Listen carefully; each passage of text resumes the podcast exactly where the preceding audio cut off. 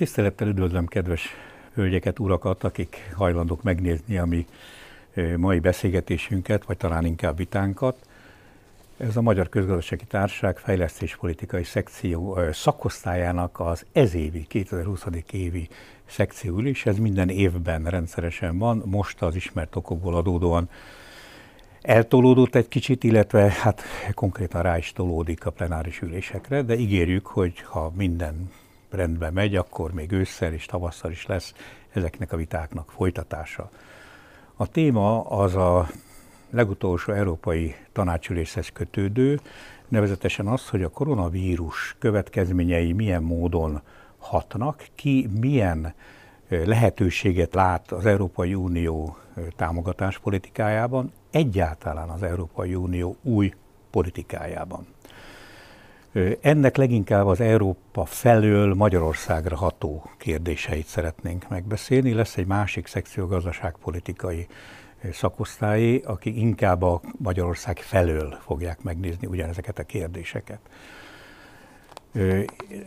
Úgy illet volna, és előtte mi két szót beszéltünk, hogy az ember föltegyen előtte olyan kérdést, amire a kedves vitapartnerek válaszolnak, vagy egymással vitatkozva, vagy pedig egymással egyetértve, én azt döntöttem, hogy én egy állítást, néhány állítást fogalmazok meg, hogy a véleményem szerint mit jelent, mi volt az elmúlt időszakban, ami számunkra fontos, és talán mindenki meg tudja mondani, hogy ez utaság, nem utaság, ő hogy látja, vagy beszél az ehhez kapcsolódó dolgokról. De mielőtt ezt a beszélgetést megkezdenénk, akkor sorba, névsor szerint az urakat hagy mutassam be. Itt Hely Péter van a névsorban elől, ő nagyon régi fejlesztéspolitikus, vannak egészen mélyen, hogy mondjam, mélyen benne fölhalmozódott tudáselemek, és ez a úgynevezett 7 éves pénzügyi perspektívával, az MFF-fel kapcsolatos, annak a struktúrájával, felhasználási logikájával, politikájával. Ő egy kiemelt szerepű tanácsadó az Európai Parlamentben. Greco Péter úr a Political Capitalnak tulajdonosa és ügyvezető igazgatója egyben az ő tevékenységéről most nagyon hosszan és gyönyörűen fel tudnék olvasni hosszabb jegyzeteket. Lényeges, hogy egy politológus, szociálpszichológus, és nagyon sok olyan tanulmánya jelente meg az utóbbi időben, ami általában a dezinformációhoz kötődik, és ez itt azért fontos, bár olvastam olyan tanulmányt sem, most konkrétan a tanácsülés hatásait vezeti le, ez azért fontos, mert az én megítélésem szerint nem csak Magyarországon, Európa majdnem minden országában rendkívül sok dezinformáció van az unió működéséről, annak hatékonyságáról és hatásosságáról. A, megmondom őszintén, hogy számomra, és mi személyesen kevésbé ismerjük egymást Kutasi Gábor úrral, aki a Közszolgálati Egyetem docense, és előtte más egyetemi funkciókat is betöltött, szintén hasonló pozícióban, de a Magyar Nemzeti Bank kutatási igazgatóságának munkatársa volt, dolgozott a századői gazdaságkutatónál, külügyminisztériumban, tehát minden, hogy mondjam, elmúlt időszakban megszerzett tudása az nagyon alkalmas arra, hogy ne értsen például velem egyet, csak veletek, tehát ennek megvan a maga szabad lehetősége. Most elmondanám, igyekszem rövidre fogni azért ezt a saját bevezetőmet, de nagyon telítve vagyok attól a boldogságtól, hogy fölveszik, amit én most elmondok, lehet, hogy nem fogják leadni ezt követően. De én mélyen hiszek az Európai Unió múltjában és jövőjében is. Tehát rendületlen hiszek, mindenfajta bugdácsolás és minden nehézség ellenére én egy megrögzötten EU párti vagyok. Nem mennék bele a családi történeteimben, de onnan is föl tudnám vezetni az elmúlt évtizedekben, hogy miért is, de szubjektív és objektíve is az vagyok. És ezért azt szeretném először mondani, hogy az elmúlt 10-15 év, amióta, pontosabban most már 16 év, amióta Magyarország tagja az Európai Uniónak, elképesztő nehézségeken nagyon komoly sikerrel vette eh, túl magát, vitte túl magát az Európai Unió. Eh, egy számot csak hagy mondjak, aztán megmondom, hogy miért mondom ezt, ami elég érdekes, lehet, hogy jobb számokat eh, ti tudtok mondani, hogy ez alatt a 16 év alatt az Európai Unió tanácsában az ott jelenlévő kormányfők száma 92 volt. Most tessék elképzelni egy olyan szervezetet, ahol az igazán fontos politikai döntéseket gyakorlatilag, ha visszaosztjuk az évvel, évben, akkor minden negyed évben változó összetételű tanácsnak kell tudni meghozni, és emögött politikai, nemzetiségi érdekek, mindenfajta más ellentmondások meghúzódnak, és mégis konszenzusra kell jutni.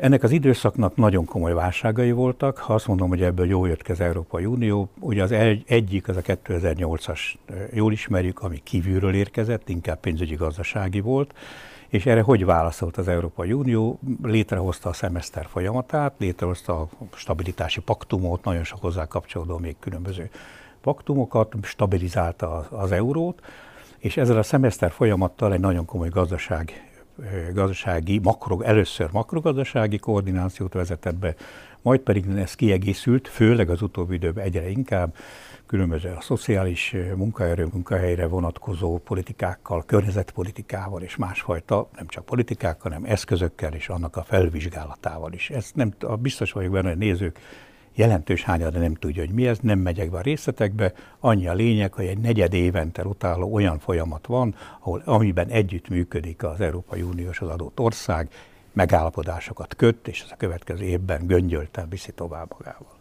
Nagyon komoly válság volt a migrációs válság, ha belegondolunk, ez a 2015-16, amely tényleg megrendítette Európában egymás között is, a nemzetek között és a politikusok között is sokszor a bizalmat.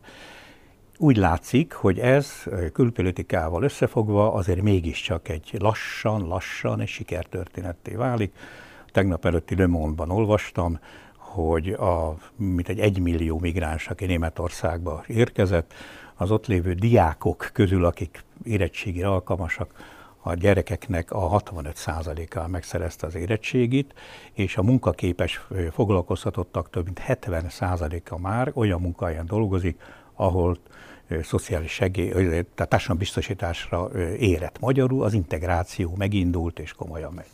Harmadik nagyon nagy válság, ez most ez a koronavírus válság.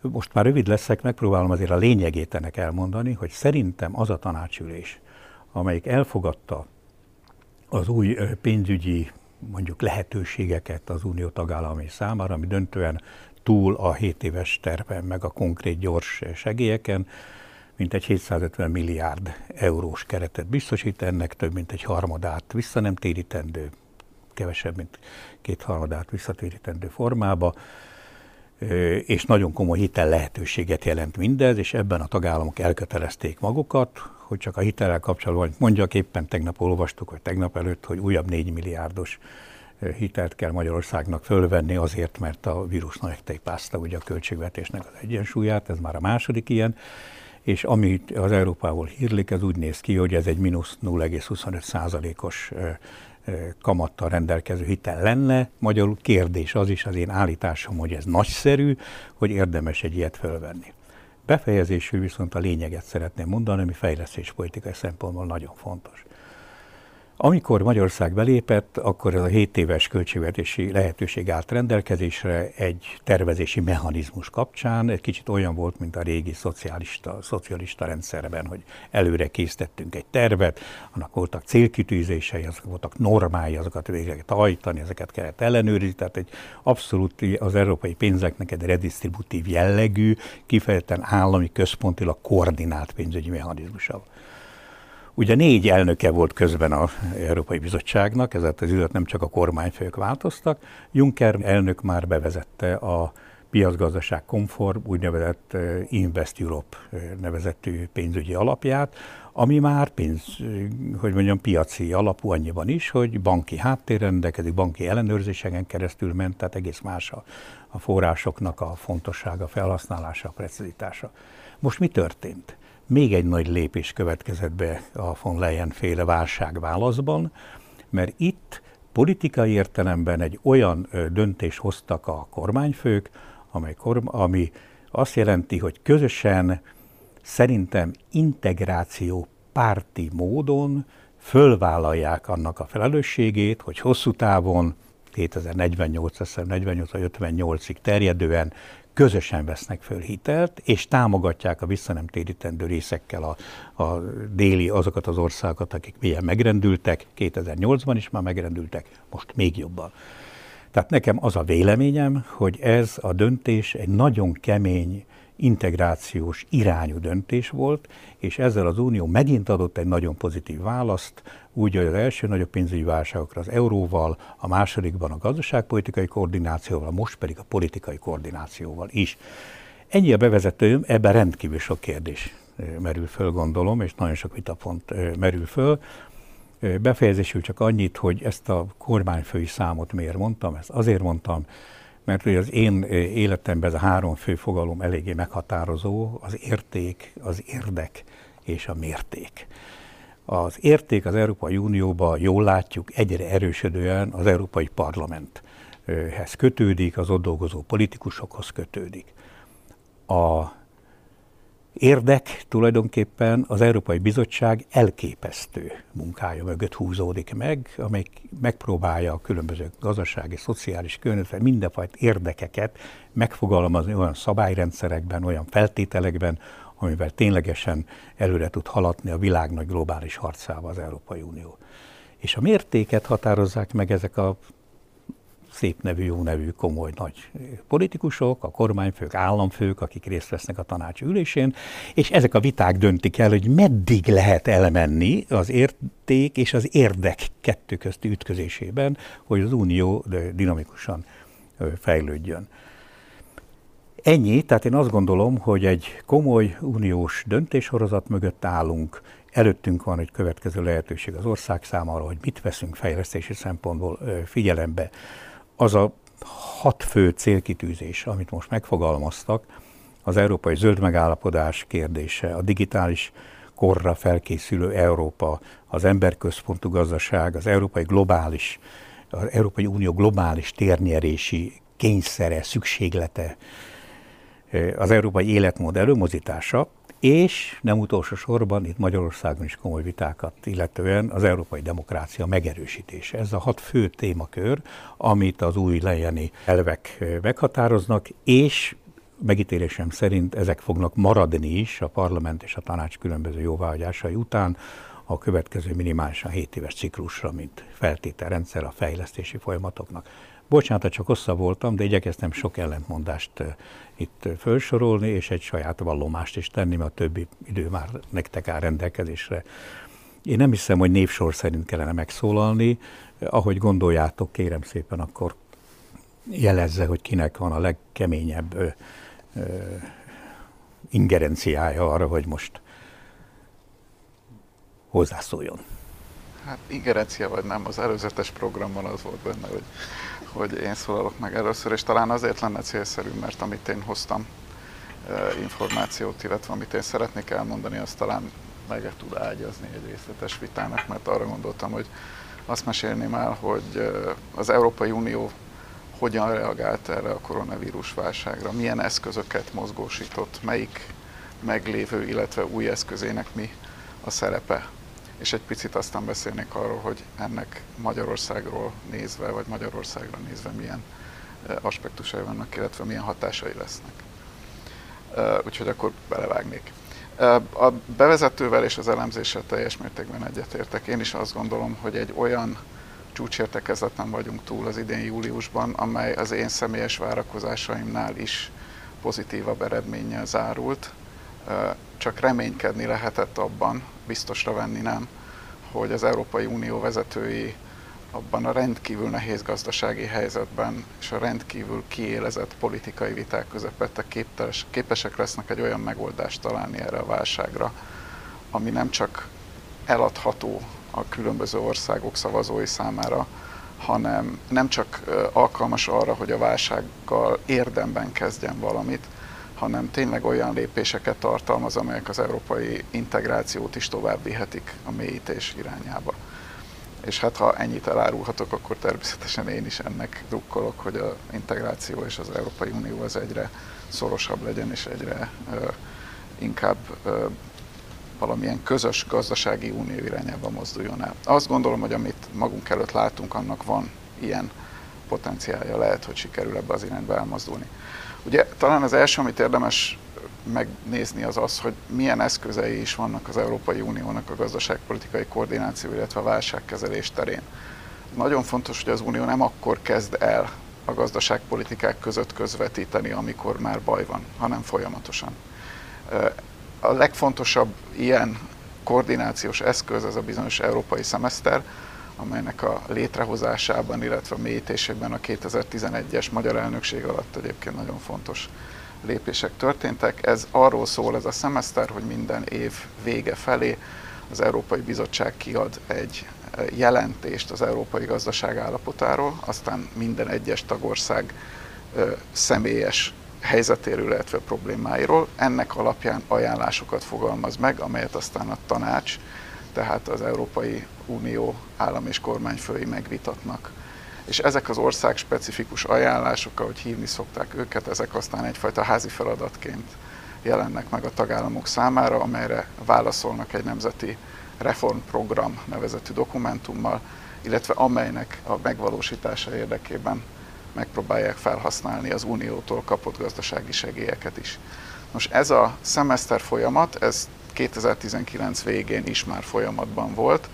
Természetesen az akkori dokumentumokban egy szó nincs még a koronavírus válságról. December közepetáján adta ki a bizottság az unió állapotáról szóló jelentést, és aztán talán februárban jelent meg a magyar országjelentés, amit egyébként mindenki el tud olvasni.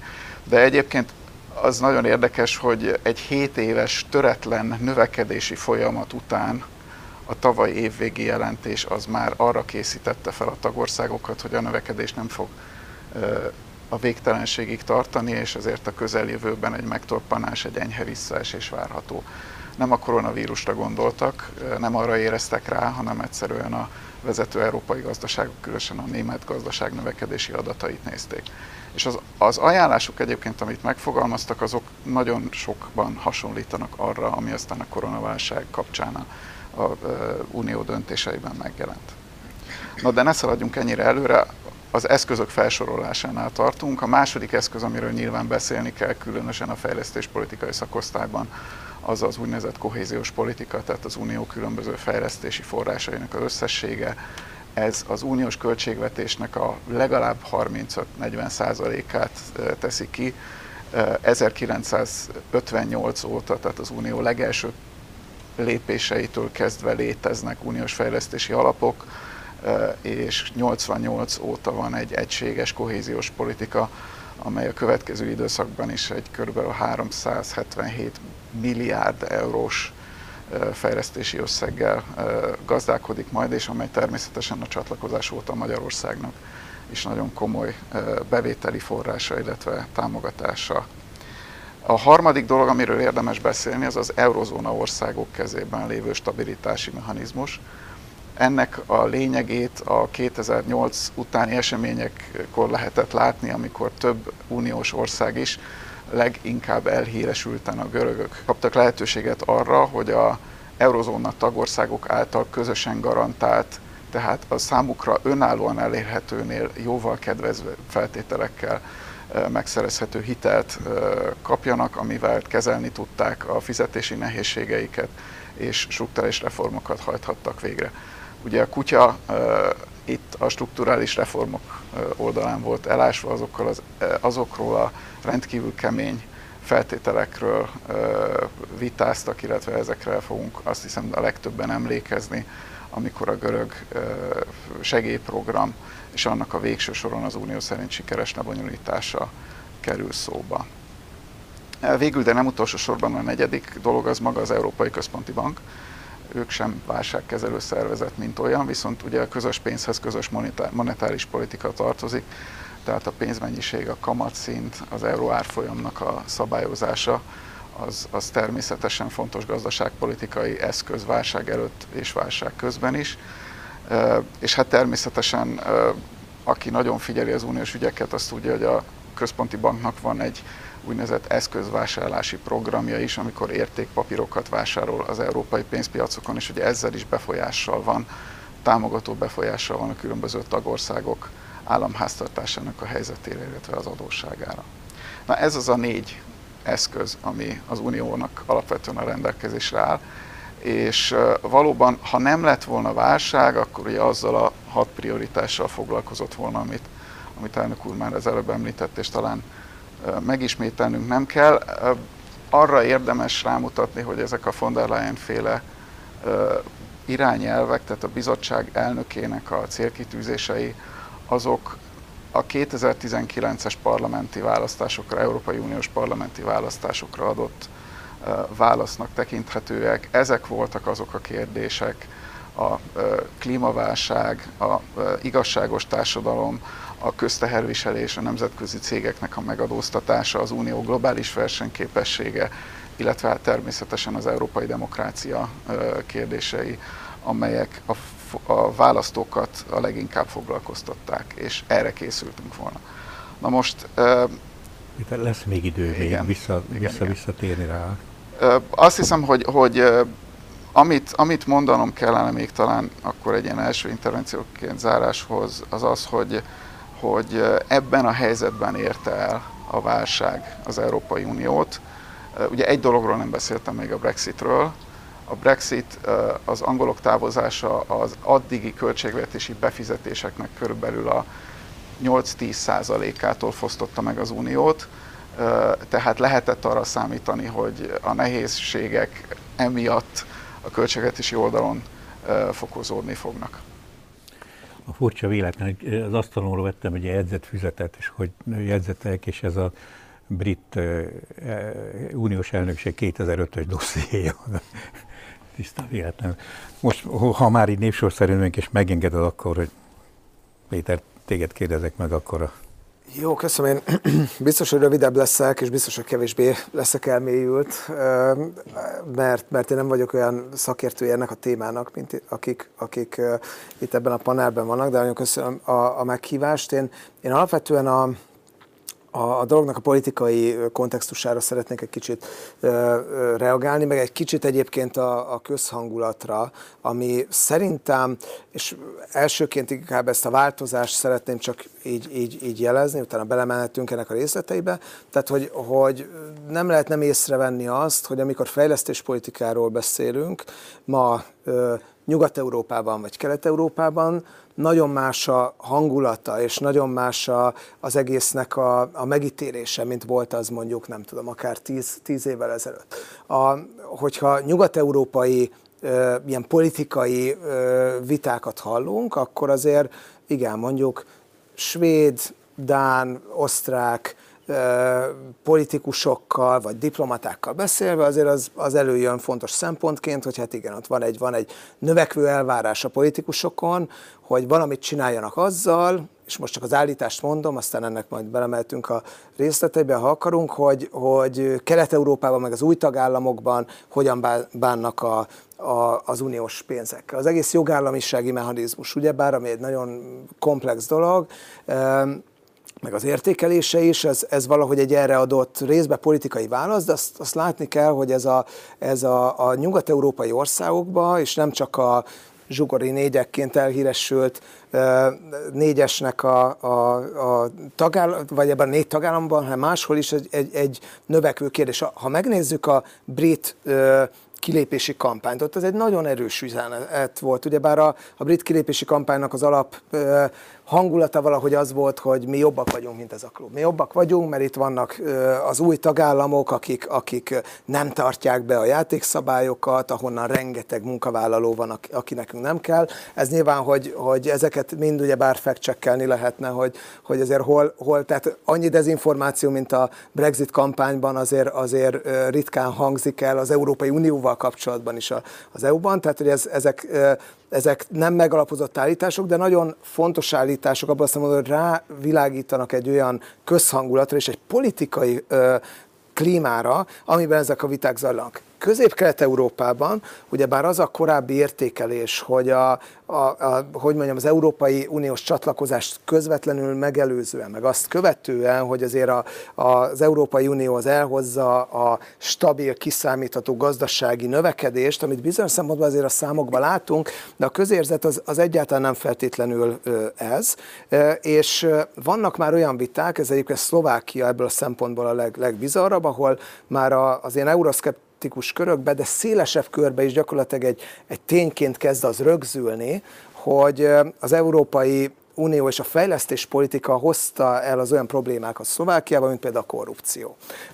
Ami ugyebár egy bizarr érvelés, mert azért valószínűleg az nem, tehát hogy nem, nem egyik pillanatra a másikra lesznek a politikusok korruptak, vagy a, tehát, és politikusok is egy társadalmi kontextusban működnek, tehát hogy, hogy de hát arról van szó, hogy nagyon nagy pénzösszegek kerülnek elköltésre évente, ugyebár korábban volt egy olyan elvárás, hogy ezt majd az Európai Unió, a nemzeti szervezetek, de hát maga az uniós szervezetek is milyen kiválóan tudják majd ellenőrizni, nem tudják ellenőrizni. Valóban van nepotisztikus, oligarchikus logika a pénzeknek a kiosztásában, de ez már tényleg egy olyan bizarr következtetésig jutott el, hogy, hogy, hogy az Európai Uniós fejlesztési pénzek azok, amik a korrupció kockázatát növelik a közép-kelet-európai országokban. Mondjuk ez a Szabadsági Szolidaritás párt álláspontja körülbelül is Szlovákiában, Magyarországon pedig egyre inkább ugyebár van egy olyan kritika az Európai Unióval szemben, hogy egy hibrid rezsimet, egy nem elkötelezetten demokratikus országnak a, a vezetését tartja hatalomban nagyon erős gazdasági transferekkel. Tehát, hogy, hogy nagyon nagy változás történt azóta szerintem, vagy ti itt voltatok ezeken a beszélgetéseken tíz évvel ezelőtt is, én nem, tehát, de, de emlékszem, hogy nagyjából milyen, milyen mi volt a hangulata, és inkább ilyen technikai kérdésekről szóltak ugye ezek az egész fejlesztés politikai viták. Én azt hiszem, hogy most az egésznek a, a célrendszere és a filozófiája körül olyan viták jelentek meg, amelyek szerintem példanélküliek. Én nem számítok arra, és az Európai Unióban, hogy tudjuk, azért egyik pillanatra a másikra nem szoktak rendszerek átalakulni, intézmények hirtelen megreformálódni, de hogy, hogy valami változás azért vélhetően lesz ebben, és, és, és én azt gondolom, hogy ezzel, tehát hogy azért is tartom fontosnak, én csak erről tudok beszélni a politikai szociálpszichológiai szempontból, azért is tartom ezt fontosnak, mert szerintem, szerintem ez meg fogja határozni az egész jövőbe az Európai Uniónak a, a támogatáspolitikáját, és, és, és szerintem most van erre nagyobb esély, mint, mint talán bármikor. Hogyha azt nézzük, hogy az Európai Parlament a napokban gyakorlatilag kijelentette azt, hogy jogállamisági kritériumok nélkül, és nagyon szigorú ez a reverse qualified majority, ez a fordított többség, fordított minőségi többség elv nélkül, stb. Tehát, hogy, hogy egy olyan mechanizmus nélkül, ami könnyűvé teszi azt, hogy az Európai Unió értékeit megsértő tagállamokkal szemben pénzügyileg is felléphessenek, nem lesz hajlandó a, a következő több éves költségvetési ö, ciklust elfogadni. Tehát itt azért azt hiszem, hogy nagyon fontos ö, intézményközi feszültségek is vannak, és nagyon fontos tagállamok közötti feszültségek is, is vannak, és ez talán én azt gondolom, hogy, hogy az Európai Unió ilyen újkori, mondjuk a bővítés utáni történetében talán egyedülálló. Én szívesen reagálok majd erre, de előbb azt gondolom, hogy az jó, hogyha Gábort meghallgatjuk. Ha, ha én, én föl tudom olvasni, azért ez eléggé megrázóan tartalmas, amit róla szól, hogy makroökonomia, nemzeti közigazgaságtan, közgazdaságtan, nemzetközi menedzsment, gazdaságpolitika, international policy, political economy, komplex elemzés, költségvetés, mindent nagyon értesz, mindahhoz. Föl, elfelejtem, amit mondani már annyi mind, mind, ami elhangzott, az erősen a kompetenciát, hallgatunk téged. Én onnan indulnék, hogy egyetértek azzal az állítással, hogy, hogy az Európai Unió megoldotta ezt a koronavírus válság kérdést, legalábbis a 7 éves költségvetés alkujában. Persze még a parlament majd politikailag lehet, hogy beleszól ebbe a ügybe. De arra hívnám fel a figyelmet, hogy itt most igazából valószínűleg csak a 7 éves költségvetés ügyét oldották meg ezzel a dillel. Ugye mindenki örült, mert 7 évre elégedett, annak is örülnek, hogy a mások, mások is elégedettek, tehát itt a tárgyaló felek között, és ugye mindenki vihette haza a jó hírt, de azokat az ellentéteket, amiről Péter, te is itt beszéltél, hogy máshogy értelmezik Kelet-Európában és Nyugat-Európában, vagy a centrumban és a periférián, hogy az EU-s pénz az egy adomány, vagy pedig a piacokra való beengedésnek egy kompenzációja, vagy hogy szükség van-e terjeszt, kiterjeszteni a közösségi kompetenciákat, vagy itt álljunk meg, ahol most a gazdasági hatáskörök át vannak adva az EU számára.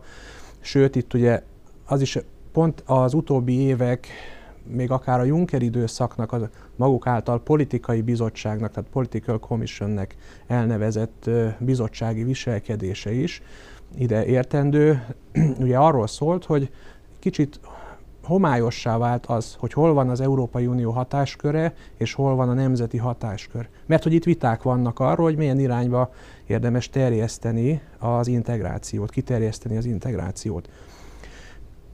Az is egy nagyon érdekes eredménye ennek a költségvetési alkunak, hogy itt most akkor egy közös adósságállomány keletkezik. Ezt ugye tekinthetjük úgy, hogy mintha egy ilyen fiskális unió kezdeményezés vagy tesztverzió elindult volna.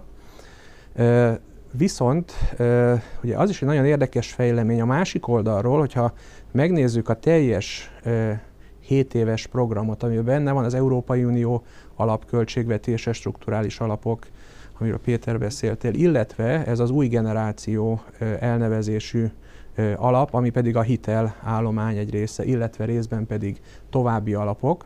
Ha ezt a kettőt szétválasztom, ugye az EU-nak a hagyományos költségvetése az a rendszeres, 7 évente megújuló. De ez a ö, új generációs alap, ez viszont most erre a problémára, erre a 7 évre egyszeri megállapodás. És ugye mi történt az Unió ö, alapköltségvetésével, hagyományos költségvetésével? Az történt, hogy a 2019-es javaslat is már kisebb összegről szólt, GNI arányosan is, meg abszolút összegben is, mint az előző 7 év, és igazából most ebben az 2020 júliusi megállapodásban pedig egy még kisebb összegről szól az alapköltségvetés, amitől a, ami persze nagyon látványosan megnövekedik az új generációs alaptól. Tehát itt sem egyértelmű az, hogy ugye tavaly még nyugodtan elmondhattuk, hogy igazából a németek se akarnak fiskális uniót. Most úgy tűnik, hogy igen, mert kipróbálják ezt a e, közös adósság kibocsájtást. De mi van, hogyha lejár a 7 év? Ugye akkor a kiindulási alap most már egy alig több, mint jól mondom, 1000 milliárd, 1071 milliárd eurós 7 éves költségvetés, ami kevesebb, mint a korábbi időszakokban. Akkor ez lesz a tárgyalási alap, ez lesz a kiindulási alap. Tehát ez egy, ö, ugye azt mondom, hogy el van takarva még ez a feszültség. Most 7 évre félretettük ezt a feszültséget és nem akarok nagyon pessimista lenni, mert én is integrációpárti vagyok, sőt, ugye nekem amíg a Corvinus világgazdasági tanszékén tanítottam, én ott olyan professzorok között szocializálódtam, akik az integráció gazdaságtanban tettek le ö, tudományos eredményeket. Tehát, de az ugye a legrosszabb forgatókönyv, mint ami már egyszer Európába bekövetkezett, ugye a kelet-római birodalom, nyugat-római birodalom. Tehát az EU valóban, ebben egyetértek, nagyon jó abban most, mivel ez egy tárgyalásos, konszenzusos modell, nem úgy, mint a korábbi történelmi példák, hogy el, e, megoldja ezeket a feszültségeket, vagy valamilyen középtávú e, érdekeket e, összehangol.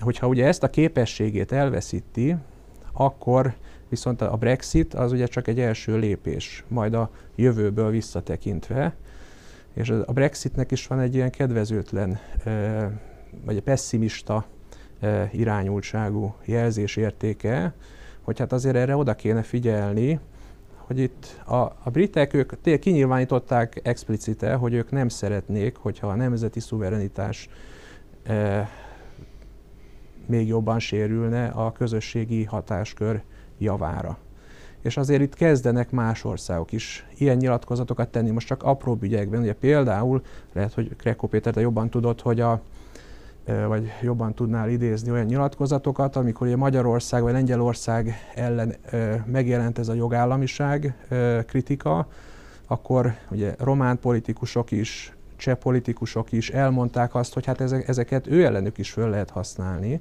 és itt is ezek a feszültségek, értelmezésbeli különbségek tovább távolítják, és itt nagyon élesen lehet meghatározni azt a vonalat, hogy ugye hol tudna megtörni az Európai Unió földrajzilag, akár két unióvá, akár szétszakadás szempontjából valamilyen módon, hogyha, ezeket a, hogyha ez a konszenzus kereső uniós intézményrendszer egyszer valamikor nem tudná feloldani a feszültségeket. Igen, én egy-két dolgot hagy ragadjak ki abból, amit ti mondtatok, Péter, hogy nyilván hozzá fog szólni, meg nagyon fölkészült diákkal is, de te racionálisan elmondtad, hogy hogy működik tulajdonképpen, és milyen eszközei vannak most a fejlesztés politikában az uniónak. Ekau Péter, ő nagyon keményen a közhangulatra, a korrupciós lehetőségekre, ennek az egésznek a valóban nagyon komoly kihívására hívja fel a figyelmet, többek között, de egy lényeges elem. Ugye te pedig nagyon érdekes dolgot vetettél fel azzal, hogy mi lesz azután, amik után. Ugye, tehát mi lesz ezek a 7 év után, hogy addig mindig folyamatosan csökkent a, a közös költségvetésnek a nagyságrendje. Én azt hiszem mindegyikkel azért bizonyos tisztításokat kéne azért végezni, miről beszélünk. Amikor jogállamiságról van szó, amit is említettél, meg a korrupció része tulajdonképpen ennek, egy sokkal tágabb kategóriáról beszélünk. Tehát a jogállamiságban a teljes működési rendszere, az állam mechanizmusa, a viszonyok, a belső demokratikus viszonyok, hogy egy, amit mondtál itt például a, a, a, konszenzus keresésre, ami az Európai Uniónak egy, egy nagyon komoly sajátossága. Tehát egy egészen elképesztő ereje, hogy az előbb említett nagyszámú köztársasági elnökök és miniszterek között képes létrehozni egységet. Én az Európai Gazdasági Szociális Bizottságban voltam most tíz éven keresztül, a munkaadók, munkavállalók és az egyéb bohócok, én mint egyéb bohóc voltam ott jelen ugye közgazdasági értelmi tanári minőségben, kötelesek létrehozni egy konszenzus, körülbelül a véleményük nem lát napvilágot, és olyan nincs, hogy valamelyik csoport egyáltalán ne értsen, és a másik kettő legyőzze őt. Hihetetlen iskola abban a küzdelemben, hogy egy munkaadó és egy munkavállaló szervezet között, plusz a harmadik a tudomány ismeretével ez megszülessen. Ez egy hihetetlen nagy dolog, és én szerintem ennek az erősödését is jelenti ez a bizonyos tanácsülés, amiről szó volt. Hogyha létrejönnek azok a pénzügyi, lást a fiskális politikának az elemei, amikről beszélnek, egyéb más kiegészítő elemek, a bankunió például, vagy a bankbiztosítási rendszer, mindezek, ezek szerintem nem csak az euróövezetre, hanem ezt követően a külső övezetre is, nagyon pozitív visszahatással vannak, ami mit jelent. Azt is jelenti majd, hogy az egyes országok több saját forrást hajlandók betenni ebbe. Miközben egy szót nem szóltunk arról, hogy az uniónak ebben az anyagában két nagyon fontos üzenet van még. Az egyik, hogy meg kell erősíteni az Európai Unió saját forrásainak rendszerét, és lehetőség szerint mire a hitele jár, teljes egészébe saját forrásból kell tudni ezt visszatéríteni, hogy ne az egyes országokat terhelje. A másik, ami viszont nagyon-nagyon fontos, és ez a korrupcióval kapcsolatos kérdés. Benne van az anyagban, ez egy nagyon hosszú, több mint 60 oldalas, biztos olvastátok ezt az anyagot, a tanácsülési anyagot. Többször visszatér különböző módon arra, hogy hogy lesz fő, ellenőrizve maga a felhasználás.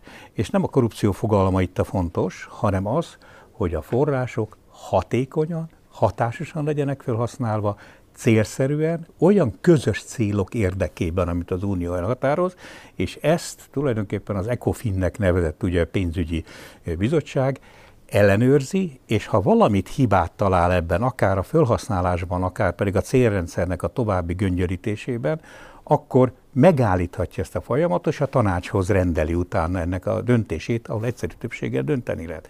Tehát túl vagyunk azon, hogy fenyegetés jelenjen meg, ettől a pillanatok kezdve, hogyha ez életbe lép, akkor itt egy nagyon komoly pénzügyi szabályozási kontrollrendszer jelenik meg.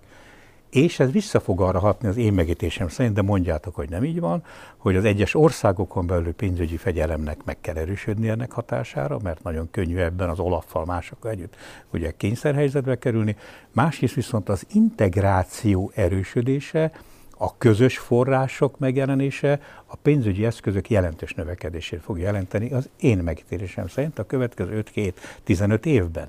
Tehát eh, itt, a, itt az integráció nem kizárólag politikai eh, értelmű, nem kizárólag a jogrendszer közös elfogadását jelenti, hanem egészen biztos, hogy az egésznek a gazdasági alapjainak a közös megteremtését is jelenti. Talán érdemes lenne ránézni a számokra, ha a Brexit-tel, meg a, meg a bizonytalansággal kapcsolatban uh, folytatjuk a beszélgetést, tehát hogy valóban mi az, ami eldőlt, mi az, ami nem, és milyen feszültségek maradtak meg a háttérben. Én azt hiszem, hogy önmagában véve a pénzügyi eredmény sem rossz. Akkor sem rossz, hogyha a uh, Covid válasz alapot, ezt a Next Generation EU 750 milliárdos uh, alapot most nem is veszem számításba, mert reál értékben nézve az Európai Uniónak a költségvetése az csak olyan 2-3 százalékkal kisebb, mint az előző 7 évben volt, ha azonos számítási alapra hozom őket, ami ugye jóval kisebb csökkenés, mint amit a brit kilépés jelentett. Tehát tulajdonképpen a szaldója a vitának az az, hogy a tagállamok többet ruháznak be az unióba, mint előtte. Még a kohéziós politika esetében is a csökkenés az, az olyan 7% körül van, ha reál értékben beszélünk. Az is valamivel kevesebb, mint amit a britek távozása a közös forrásokból elvett és ezek a számok egyébként nem tartalmazzák azt a, ha jól emlékszem, 50 valány milliárdos növelést, amit a válságkezelő csomag részeként a kohéziós politika többletforrásként kap. Tehát azt gondolom, hogy pénzügyileg az uniós országok végül is tettek egy, egy vállalást, hoztak áldozatot, nem csak a nettó befizetők, hanem egyébként a többi ország is belement abba, hogy növekedjenek a befizetései, és valóban, ahogy elnök úr mondta, ez a vita ez még tovább fog folyni, mert valóban az lenne a hosszú távú megoldás, és az a cél, hát legalábbis a parlament és a bizottság részéről, de azért néhány tagország részéről is talán, hogy nemzeti befizetések csökkenjenek, és ehelyett olyan uniós saját bevételek jelenjenek meg amik az uniót egy kicsit stabilabb alapokra helyezik, és egyben megszabadítják attól a 7 éves színháztól, vagy, vagy visszatérő rettenetes harctól, amit egy, egy ilyen ö, költségvetési vita ö, jelent. Na most ö, az persze, hogy és valóban igaz, hogy egy csomó ellentét megmaradt. Tehát nyilván van ellentét a befizetők és a kedvezményezett országok között, nem csak abban, hogy mennyi az annyi, hanem abban is, hogy a befizető országok, jelesül egyébként a Zsugori négyes, megpróbáltak minél inkább biztosítékot kapni a kedvezményezettektől arról, hogy a koronaválság kapcsán kapott extra forrásokat nem egyszerűen kiszórják majd az ablakon idéző elbetéve, hanem okosan használják fel. Ami persze aggodalmakat ébresztett a másik oldalon, nagyon, nagyon súlyos aggodalmakat és nagyon forró érzelmeket. Egyrészt azért, mert a görögök szenvedésére mindenki emlékszik, másrészt azért, mert ez a koronaválság általános vélemény szerint ezúttal nem ami azzal magyarázható, hogy egyik vagy másik ország úgymond felelőtlenül gazdálkodhatott volna, hanem ez bizony egy természeti csapás. A másik dolog, hogy igen, vita van azok között, akik mélyítenék az integrációt, és például a végrehajtásban a parlamentnek és a szemeszter folyamatnak adnának elsőbséget. Nyilván ide tartozik a bizottság és az Európai Parlament, illetve bizonyos tagországok, például a hollandok, megint a zsugori négyes kapcsán, akik meg azt mondták, hogy nem, nem, nem, ezt a tanács tartsa kézben, ugyanúgy, ahogy annak idején a eurozóna miniszterei tartották kézben a görög válságot. És végül a harmadik nagy vita, ami egyébként már önmagában érdekes, hogy megjelenhet, és az integráció mélyülését jelzi, az az, hogy van egy, egy komoly policy vita a bal és a jobb oldal között, a parlamentben is, a tanácsban is, ahol egyébként szocialista, liberális, illetve kereszténydemokrata miniszterelnökök most nagyjából azonos mértékben osztoznak a székeken. Ez a vita pedig valóban arról szól, hogy az volt-e a helyes irány, amit a 2008-as válság után az Unió követett, tehát hogy nagyon fegyelmezett, stabil költségvetési politika és költekezés csak annyira, amennyire ezt nem veszélyeztetjük, vagy menjen át az Unió egy aktív beruházási politikába a klímaválság kapcsán, a koronaválság kapcsán, a fejlesztéspolitika kapcsán. Ez elképesztő érdekes. Mi a véleményetek erről, amit most a Péter a végén mondott, mert tulajdonképpen ez tényleg a gyök, ez most a középpontja most ennek az európai gazdaságpolitikai és fejlesztéspolitikai kérdéssornak. Hát én azt mondanám rá, hogy egyrészt erre ugye közgazdasági e, számítások is készültek a 2010-es években, hogy valószínűleg a 2000-es években is korábban rosszul mérték föl ugye ezeknek a költségvetési kiadásoknak a többszöröző hatását, jövedelem többszöröző hatását, és ugye ehhez képest ugye lehet arról beszélni bátran, hogy ha elköltök egy eurót, annál több mint egy euró növekmény lesz a GDP-ben. Ez persze főleg a válságidőszakokra értendő, tehát amikor az állam próbálja helyettesíteni a magángazdaságot. Mi a, mi a 2002-4 között ugye ez két, két is fel, minimálisan két, két is fel szorzóval számoltuk, ugye a multiplikatív hatások. Bocsáss meg, hogy közbeszóltál. Igen, a, a másik érdekesség ugye ebben, hogy igazából mindenki most sokkal szabadabb kezet kapott, hogy hogyan használja föl ezeket a költségvetési forrásokat, akár az új generációs EU, akár az alapköltségvetés tekintetében, ami mondjuk nekem az jutat, azt jutatta eszembe, hogy amikor a stabilitás és növekedési alapot, ami fegyelmezte volna a tagországokat a korábbi szemlélet szempontjából, 2005-ben megreformálták idézőjelbe, és ugyanúgy felhígult a, a, a egységesítése ennek a rendszernek, most is úgymond felhigult az, hogy mennyire kötött célokhoz ezeknek a pénzeknek a felhasználása. És itt nem csak abban mutatkozik meg, hogy országok szabadabban költhetik el ezeket az EU-s pénzeket, hivatkozva a válságkezelésre, hanem az olyan típusú célok is, mint a digitalizáció, vagy a, a, a, zöldi, a gazdaság zöldítése, tehát a zöld energia támogatása, ezek is a digitalizációban biztos vagyok, a zöldnél ott sok minden területet több dimenzióba összemosnak, de a digitalizációban biztos, hogy csökkent az erre a célkitűzésre szánt pénzek száma a 2019-es javaslathoz képest például. Tehát, hogy az uniós célkitűzések azok sérülnek, miközben egyébként van egy integráló hatás is, hogy legalábbis, hogy bent tartsa az országokat a, az unióban.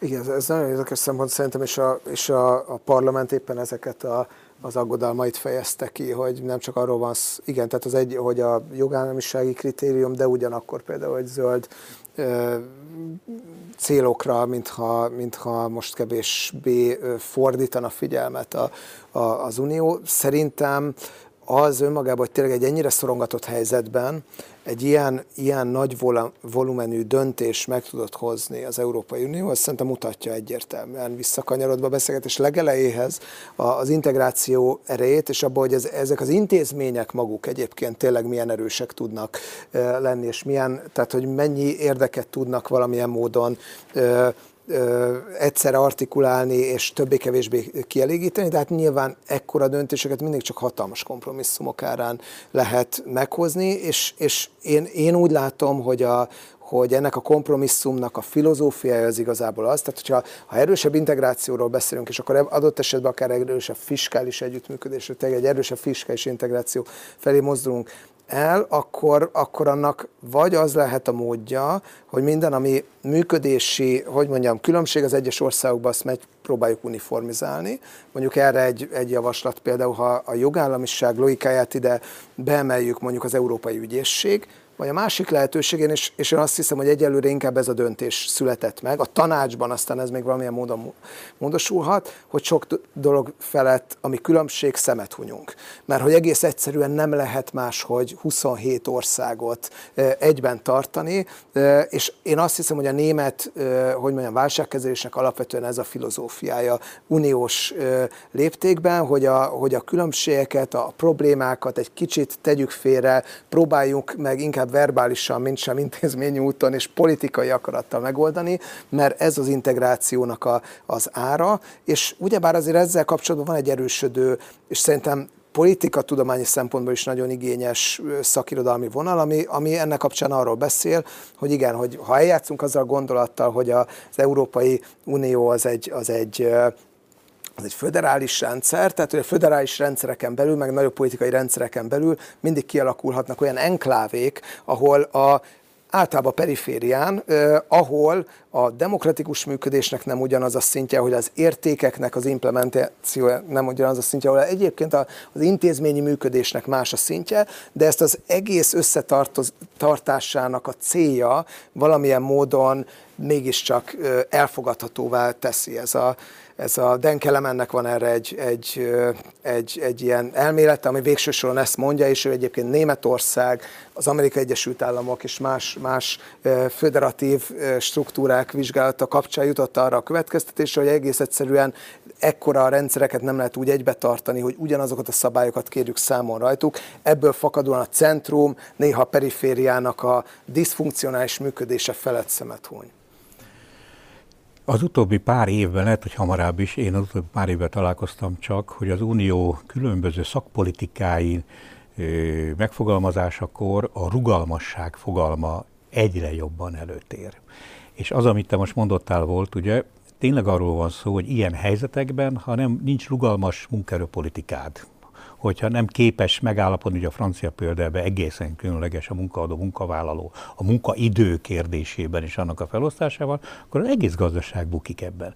Tehát a valós, hogy egy ilyen periódusokban muszáj eltérni egy kicsit az általános, nagyon kötött rendszerektől, és szabadon hagyni, de nem azt jelenti, hogyha én leadom azt, mint Magyarország, hogy a következő két évben, három évben ezt és ezt és ezt szeretném fejleszteni, ide koncentrálok, akkor nem kell készítenem oda hatástanulmányt, és hogy nem ellenőrződik ez a hatástanulmány, és nem lesz számon kérve mindennek a kitűzött célnak az eredményessége.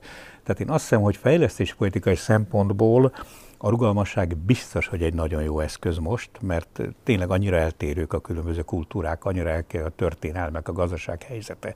A válság különösen ezt kielemezte, hogy erre szükség van de nem lehet felülírni azt, hogy amit viszont végrehajtok, azt fegyelmezetten, átláthatóan, ellenőrizhetően kell csinálni. Én szerintem Magyarország számára is egy nagyon-nagyon fontos kérdés az, hogy mennyire lesz képes ezt a fajta fegyelmezettséget biztosítani. Egy utolsó dologra még én azért hagyd térjek vissza, ami ugyan általánosnak tűnik, de ugye fejlesztéspolitikai szakosztályról van szó, ez nagyon fontos hogy amikor Magyarország belépett, akkor már voltak különböző stratégiák, és talán lett a Lisszaboni stratégia, a 2020-as stratégia, és utána megjelent ugye a fenntarthatóság kapcsolatos 17 célkitűzésnek a rendszere, elfogadást nyert az, az emberi szociális kérdésekkel kapcsolatos európai pillér is, amiben nagyon konkrétan megnevezett céljai vannak az Európai Uniónak, normatívák vannak benne, amiket adott időn el kell érni. A megítélésetek szerint most ez a válság, aminek nincs vége. Hát látjuk azt, hogy ez még hullámozni fog valószínűleg egy jó darabig. Hogy ez felülírja-e, hozhat-e olyan új célkitűzést ebben a rendszerben, ami teljesen más adott esetben, mint amikor eddig beszéltünk, ki, mi kerül a központba? Az ember kerül ebbe a központba, mert ez, ez egész, egész válsága kapcsolatos válságkezelés egyértelműen egy emberközponti ügyé vált. Tehát az látszik azt, hogy itt egy másfajta társadalmi erők mozdulnak meg. A szociális gazdaságtól kezdve számtalan dolgot föl tudnék sorolni, megjelent. Mi a ti véleményetek arról, hogy lesznek-e új irányok, lehetséges-e új irány, vagy pedig ezek az uniós nagy politikák fogják meghatározni azt, amit mi itt Magyarországon például csinálni fogunk? Minden lehetséges, és egyébként valóban ez most a talán legfontosabb kérdés, ami az Unió előtt van, bár nem erről esik a legtöbb szó, nem csak azért, mert a járvány újra gyorsul, hanem azért is, mert ugye még mindig azért a költségvetés belső szerkezete nem dőlt el teljesen, tehát hogy melyik jogcímen néhány milliárddal hol lesz még több vagy kevesebb, és hogy mondhatjuk-e, hogy egyik vagy másik terület fontossága csökkent, azt igazából még nem tudjuk, csak sejtjük. De valóban az egyik legkeményebb vita az az volt az elmúlt néhány hónapban, hogy a klímaváltozással kapcsolatos problémák, vagy a társadalmi egyenlőséggel kapcsolatos problémák, a mindenki számára garantálható, méltó életnek a problémája, ami most már uniós szinten a minimálbér és egyéb, egyéb dolgokon való, keresztül valóban az asztalon van, hogy ezek most halasztást kell, hogy szenvedjenek, a válság miatt, vagy éppen ellenkezőleg, na most aztán kell igazán neki feküdnünk annak, hogy egy klímasemleges, korszerű, stratégiailag önálló és globálisan versenyképes európai gazdaság építésére fordítsuk minden energiánkat már most. Én azt gondolom, hogy a válaszok is lehetnek aztán országonként különbözőek. Ugye volt már róla szó, hogy ennek a korona támogatásnak, illetve hitelnek a felhasználása során is végül is nem az az álláspont győzött, hogy a görögökhöz hasonlóan keményen figyelni kell majd, hogy mit csinál kicsoda a pénzzel, hanem, hanem irányelveket fogalmaz meg az Unió, és utána rábízza az egyes országokra, hogy mit csinálnak.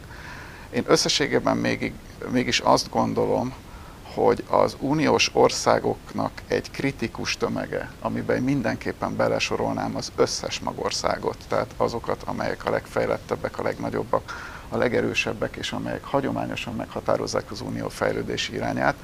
Ezek az országok, Németország, Franciaország, Spanyolország, Azt gondolom, hogy általában a nyugat-európai országok, talán a skandinávok kivételével, és egy jó néhány kisebb ország, még Kelet-Európából is, abban az, hát az eurozóna tagjai mindenképp abban az irányba fognak majd evezni, hogy ez a gazdasági unió mélyüljön. És lehet, hogy lesznek olyan országok, amelyek ebből majd kimaradnak. Ami érdekes jelenség talán az az, hogy korábban a flexibilis integráció, a többsebességű integráció, mint lehetőség, az elsősorban azért merült fel, mert úgy gondoltuk, hogy bizonyos országok nem lesznek képesek részt venni egy-egy fontos politikában. Most már valóban az a helyzet, hogy vannak országok, amelyek egyszerűen nem akarnak.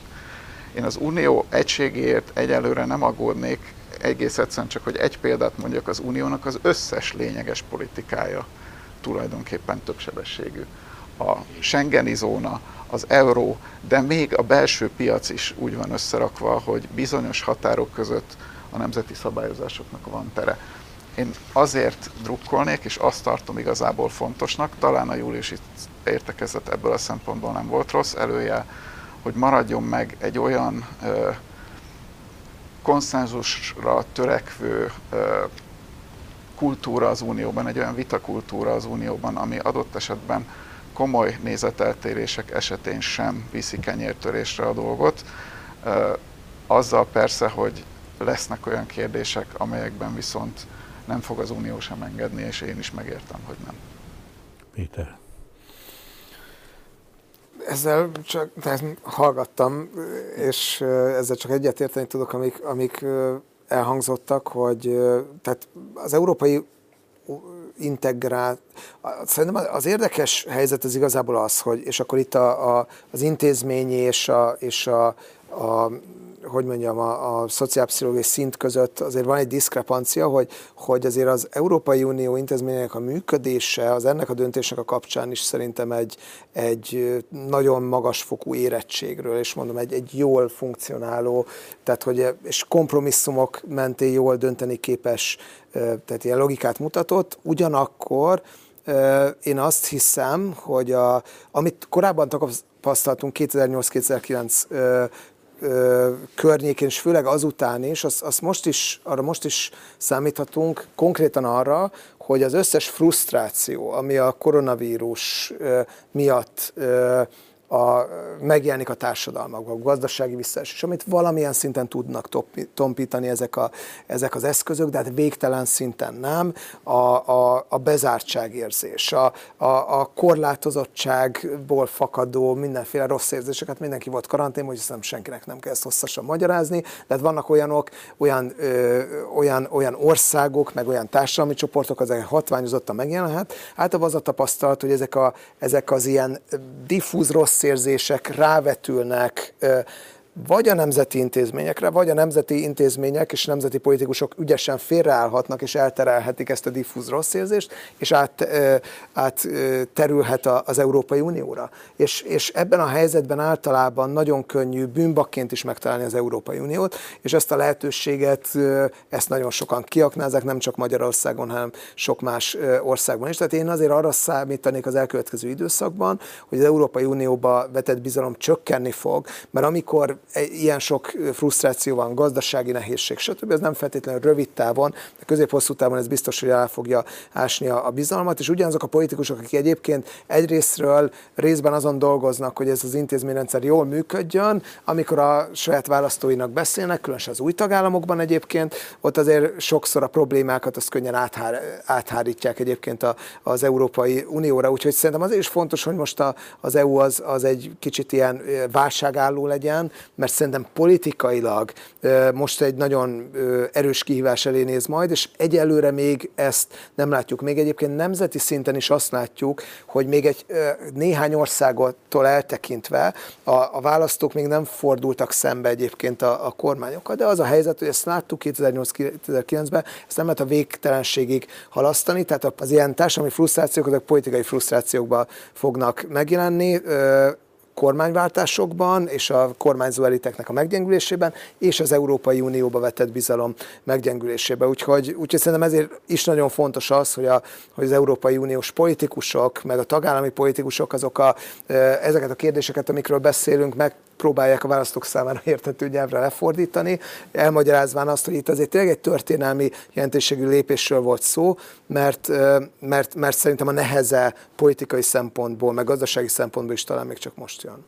Egyetértesz el, Gábor? Én visszatérve arra a kérdésre, hogy a célkitűzésekben lesz-e változás, én most a felhasználói oldalról nézném meg, ugye ezek a vállalatok elsősorban.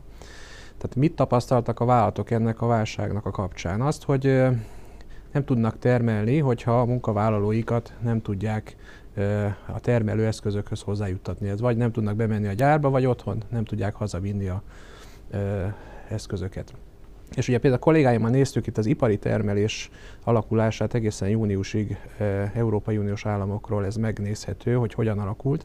És ugye azt lehet látni, hogy például Finnország, Lettország, Észtország, Finnország kifejezetten végig pozitív ipari termelési változást mutatott, tehát folyamatos növekedést. Tehát ott azokban a gazdaságokban, ahol haza tudom vinni a munkát, ugye hiába csökkent a mobilitás, a Google-nek van egy olyan munkaerő mobilitási mutatója is, hogy ott is ugyanúgy visszazuhant a mobilitás, de az ipari termelés növekedett tovább.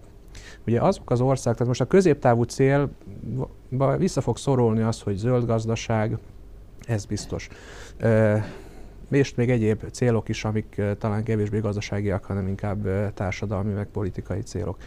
Tehát ezt a vállalatoknak az igénye az lesz, hogy ezt a problémát tudják valamiképpen kezelni. És ugye például most vesszük Magyarországot, Szlovákiát, Csehországot, tehát itt a német autógyáraknak, vagy a külföldi nagy amerikai, német és egyéb országból származó gyógyszergyáraknak a igénye fogja azt meghatározni, hogy ők milyen fejlesztéseket szeretnének végrehajtani mondjuk EU-s támogatásokból. És valószínűleg, hogy ugye ezzel a problémával igazából lehet azt mondani, hogy száz éve ezelőtt már találkoztak a vállalatok, de talán elfelejtették. De most ezt a mobilitási problémát, munkaerő mobilitási problémát kell tudniuk kezelni, és valószínűleg ezeknek a megoldásoknak e, lesz prioritása. Az pedig hogy egy politikai kérdés, hogy mennyire tud a, egy adott országban a kormányzat erre koncentrálni, hogy akkor a versenyképességi kérdést oldom meg, és nem pedig a politikai népszerűségi problémákat oldom meg a e, kiadásokból.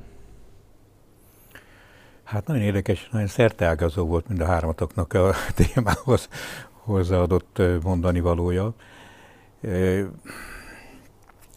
Ez azzal nem értek egyet, amit mondsz, persze lehet, rosszul értettem, hogy most kevésbé lesznek fontosak a szociális társadalompolitikai kérdések a következő időben, mert a versenyképesség vagy ott esetben azoknak az iparágaknak a fejlesztés kerül előtérben, amelyik ebben a válságos helyzetben is képesek produkálni. Nem tudom, hogy jól értettem hát, hogyha itt, bocsánat, én ezt nem gondoltam bele, hogy a szociális kérdések, szociálpolitika, de itt is valószínűleg olyan irányba fognak a szociálpolitikai kérdések is menni, amelyek a munkaerő fejlesztéséről fognak szólni. Igen, van, ez, ez, azt hiszem, hogy ez így van, ez teljesen egyértelmű is, de nekem van egy egész másik, de lehet, hogy nagyon kicsinyesnek tűnik, és az ember ilyenkor a saját tapasztalatára hivatkozik, az elég primitív dolog. De amikor az ember karanténban volt, és, meg, és megtapasztalta azt a szolidaritást, amit egy adott kis településben én ott éltem, a, a szabad mozgású emberek az élelmiszert hozzák, akkor mennek, elviszik a gyógyszert, megteszik helyetted azokat, amiket te nem tudsz megtenni és ez vidéken nagyon-nagyon sok helyen fölerősödött, ez a szociális kis köröknek az együttléte, ami egyébként termelési folyamatokban is megjelenik, elosztásban, szolgáltatásban nagyon komolyan megjelenik. És ennek az egész zöld kultúrának ez a körforgásos gazdaság egy nagyon komoly eleme, ami kis térségekhez, kisebb térségekhez kötődik, és nem országos nagy regionális kérdésekben, ahol ezek a fajta megújuló társadalmi erőforrások nagyon fontosak. Tehát én azt gondolom, hogy, egy, hogy igazán konszenzus teremteni és jó politikát folytatni csak akkor le, volna lehetséges, ha nem kizárólagosan ezekre valóban súlyosan, azonnal megoldandó gazdaság, politikai kérésekre koncentrálok. Ebben egyetértek, bocsánat, hogy közbevágok, de itt is ugye a példádban egy mobilitási problémát Abszolút. oldott meg a kis közösség. Tehát ugye így értem, hogy a mobilitási vagy immobilitási problémára kell tudnia választani. Abszolút, Társadalomnak is. Abszolút így van, csak erre rá lehet építeni. Nagyon sok, ez, ez, egy, ez egy hallatlan erőforrás, társadalmi erőforrás, amit ki kell tudni használni ilyen válságos időszakban. A másik dologra visszatérve, amit te mondtál, én ezt egyik legsúlyosabb kérésnek tartom, hogy az Európai Unió milyen színbe tűnik föl. Ez olaszok a legnegatívabb példa számomra ebben, ugye ott az ottani populizmusnak, az egész Salvini féle európai ellenesség, bízunk benne, hogy ott most olyan változások lesznek, nem tudom, hogy lesznek-e, mert rossz hírek jönnek, amelyek egy Európa centrikusabb Salvini pártot fog bemutatni, de én ezt tettem a legveszélyesebbnek, mert ugye, amiről eddig beszéltünk, az az, hogy növekednek a közösségi erőforrások, nő az integráció, nő a gazdasági koordináció, tulajdonképpen az erőt a világban, a globális nagy harcokban, ezt tulajdonképpen ezt tudja csak ö, megformálni. Tehát ebben ö, a feszültségeket növelni én szerintem mindent leromboló tud lenni bocsánat, egy szóra visszatérve lassan, lassan most be kell fejezni, főleg nekem, a három nagy válság, mind a három kívülről jött. Tehát ez a pénzügyi gazdasági válság, után a migrációs válság, majd ez a Covid válság, ez nem európai belső válság. Elég sok bajunk van belül, de ez nem ütött, ezek a belső bajok, ezek mindig valamilyen módon megoldásra kerültek és nem valószínű, hogy hol, vagy valószínű, hogy holnap, meg holnap után újabb külső válságok jönnek, akár arab országok háborúja, vagy látunk nagyon sok ilyen, ilyen helyzetet. Ö, tehát én azt gondolom, hogy minden lépést meg kéne tenni annak érdekében, politikai lépést is, hogy ezt a fajta Európa integrációs szemléletet, azt a határaink között természetesen, de ezt erősítsük, és egy üzenetet még ezért hagyd tegyek át, én azt tapasztaltam, hogy az unió igazgatási rendszere, irányítási rendszere nagyon progresszíven változott az elmúlt időben. Tehát hihetetlen megosztott igazgatós, igazgatóság és politikák között létrejött egy nagyon komoly központi főigazgatósági koordináció. Az a példa is, hogy a nem piaci és a piaci eszközök között, meg amiről most beszélünk a tanácsülésről, ezt már mind ezek hozták létre. Tehát magán a bizottságon belül létrejött egy igazi jó koordinációs igazgatóság és irányítási rendszer, ami szerintem ki fog hatni az egész egy politikai együttműködésre az országok között, az egészen biztos. Tehát én hagyd legyek optimista, nem tudom, hogy zárszóként lehet ezt mondani, de zárszó helyett inkább azt mondanám, ha belletek van bármilyen olyan mondat, amihez kötődő, akkor inkább kifejezzétek be ezt a beszélgetést. Most kezdjük innen, Péter. Uh, én, én igazából egy, egy aspektushoz szeretnék itt a kicsit az elmondottak kapcsán is hozzászólni, hogy szerintem, szerintem az egy, az, az tényleg egy fontos felvetés, hogy, a, hogy egy ilyen válságidőszakban, amikor hát a túlélés a kérdés, a gazdasági túlélés a kérdés, akkor nagyon sok minden, ami korábban az értékekből fakadóan evidensnek tűnt, környezetvédelmi kiadások, jogállamisági kérdések. Ilyenkor sokszor luxusnak tűnik, és én eh, abba, abba egyetértek, egy ilyen, egy ilyen felső döntéshozó logikával, főleg, hogyha az Európai Unió egybemaradása is a, a cél eh, közben, és én, és én abban egyetértek, hogy valószínűleg ebből a szempontból a kiadási struktúra, meg ugye egyáltalán a költési filozófia az inkább egy, egy visszalépára, tehát hogy egy, egy klasszikusabb logikát követ, és szerintem ebben a helyzetben lesz valószínűleg az Európai Parlamentnek egy nagyon fontos szerepe abban, hogy ezt a,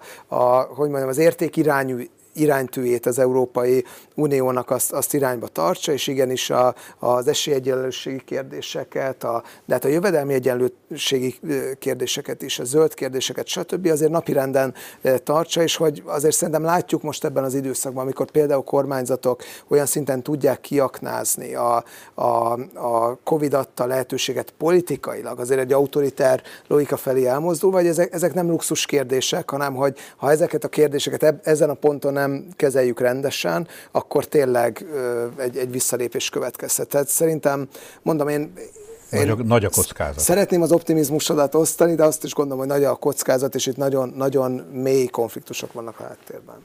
Péter.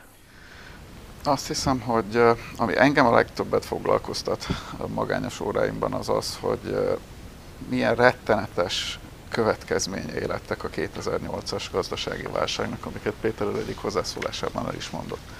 És ami a legnagyobb aggodalmat váltja ki belőlem az az, hogy ez a válság, amivel most szembe kell néznünk, ez gazdasági hatásait tekintve hasonlatos lesz ahhoz, mint ami 2008-ban történt. Nem tudom, hogy Európa az európai demokráciák el tudnak-e viselni még egy akkora ütést ugyanoda, mint ahol 2008-ban kaptunk egy hatalmas ütést. Lehet itt szó a szélsőséges mozgalmak előretöréséről, a álhírekről, a Facebookról, a politikai közösségeknek a széteséséről, és még egy csomó minden másról. Egy biztos, az Európai Unió egy hatalmas lehetőség, és egy csomó kihívást, ami előttünk áll, az összes európai ország előtt egyszerűen nem lehet másképpen kezelni. Soha nem fogjuk tudni a környezetvédelmi problémákat rendbe rakni uniós együttműködés nélkül, illetve ha az Unió nem tud világméretű szinten is vezető szerepet játszani. És ez nem egy távlati dolog, itt mezőgazdasági szereplőket megkérdeznénk, itt nagyon komoly problémák vannak a, a terméshozamokkal, a saját kertemben is látom, ahogy kipusztulnak növények, és amikor pótolni szeretném őket, azt mondja a kertész, hogy ne ezt csináld már, mert, vagy hogy kabócák vannak a kertünkben, amit korábban csak ugye Görögországban hallott az ember. Nem tudjuk másképp megoldani. Az iparnak a versenyképességét Európa biztonságát, hogy egyáltalán egy ilyen vírus fertőzéssel tudjon valamit kezdeni, anélkül, hogy Kínába kelljen rohangálni maszkokért, ezeket csak az Unió tudja megoldani. Magyarország mostanság nagyon sokszor hangsúlyozza az önállóságát, ami rendben is van. De azt látnunk kellene, hogy az Unió és Magyarország között nincsen érdekellentét. Az Unió mi vagyunk az unióhoz nem szabad a hátsó felünkkel hozzáállni, okosan meg kell próbálni az unión keresztül keresni a boldogulásunkat, mert ha ez a közösség szétesik, akkor a válságkezelés lehetőségei is jelentősen szűkülnek, nem csak nekünk, hanem bárhol másutt is. Kedves Gábor, parancsolj. Gazdasági szempontot tennék hozzá itt elhangzottakhoz. Az egyik, hogy mennyire fogja megütni az Európai Uniót ez a válság. Ugye lehet, hogy a makrogazdasági számokban nagyon, de sőt ez már biztos, mert ez már látszik. Viszont itt most szintén egy kollégáim által készített tanulmányra tudok hivatkozni. Végignéztük a európai országoknak a fiskális és egyéb intézkedéseit, amit a rövid első hullámos időszakban tettek. És itt ugye nagyon sok esetben, tehát azt mondom, hogy mondjuk 27-28 európai országot, sőt inkább 29-30-at megnézve, a nagy többségben az a típusú gondolat merült föl, hogy elősősorban ugye a munkahelyeket meg kell védeni, akkor is, hogyha ezek nem termelnek. Tehát itt egyfajta jövedelempótlás megtörtént, ugye ebben, ebben az évben. Most, hogy ez a vírus jövőre hogyan oldódik meg, erre én nem tudok semmit mondani egészségügyileg, de ha megoldódik, feltételezem, akkor ugye ott vannak a kapacitások, tehát el kell ezeket indítani. A másik pedig, amit Péter, te mondtál, hogy az Európai Unió integrációja ugye hogyan tud tovább lépni, a saját bevételek kell, hogy támogassák az EU-s költségvetést. Ez a, azt a politikai döntést kell meghozni az országoknak, hogy ők az adóbevételük még nagyobb részét, ugye most csak a vám meg a talán valami jövedéki bevételek vannak, e, import jövedéki bevételek, tehát a vámon kívül más adóbevételeket is átengednek. Ez egy nagyon nehezen megugorható politikai szándék, de hogyha visszajön ez a többsebességes Európa, mert én úgy érzem, az elmúlt egy év e, uniós szintű politikai vitáiban valahogy ez így eltűnt, hogy többsebességes Európa, ha ez a szemlélet visszajön, akkor lehetnek megint ilyen magországok, akik adóuniót alapítanak, és aztán ez esetleg kiterjed több országra. Igen. Kedves urak, kollégák, nagyon szépen köszönöm a szakosztály nevében a értékes hozzájárulásatokat ehhez a mai vitához. Én azt gondolom, hogy tényleg érdekes volt, én legalábbis a hallgatók nevében nem tudok szólni, de bízom abba, vagy a nézők nevében, hogy ők is nagyon sokat tanultak belőle, és szívesen fogják megnézni egy következő ilyen vitánkat. Köszönöm a fáradtságot, az érdeklődést, az egy, egyetértést és az egyetlen nem értést is. Köszönjük a lehetőséget.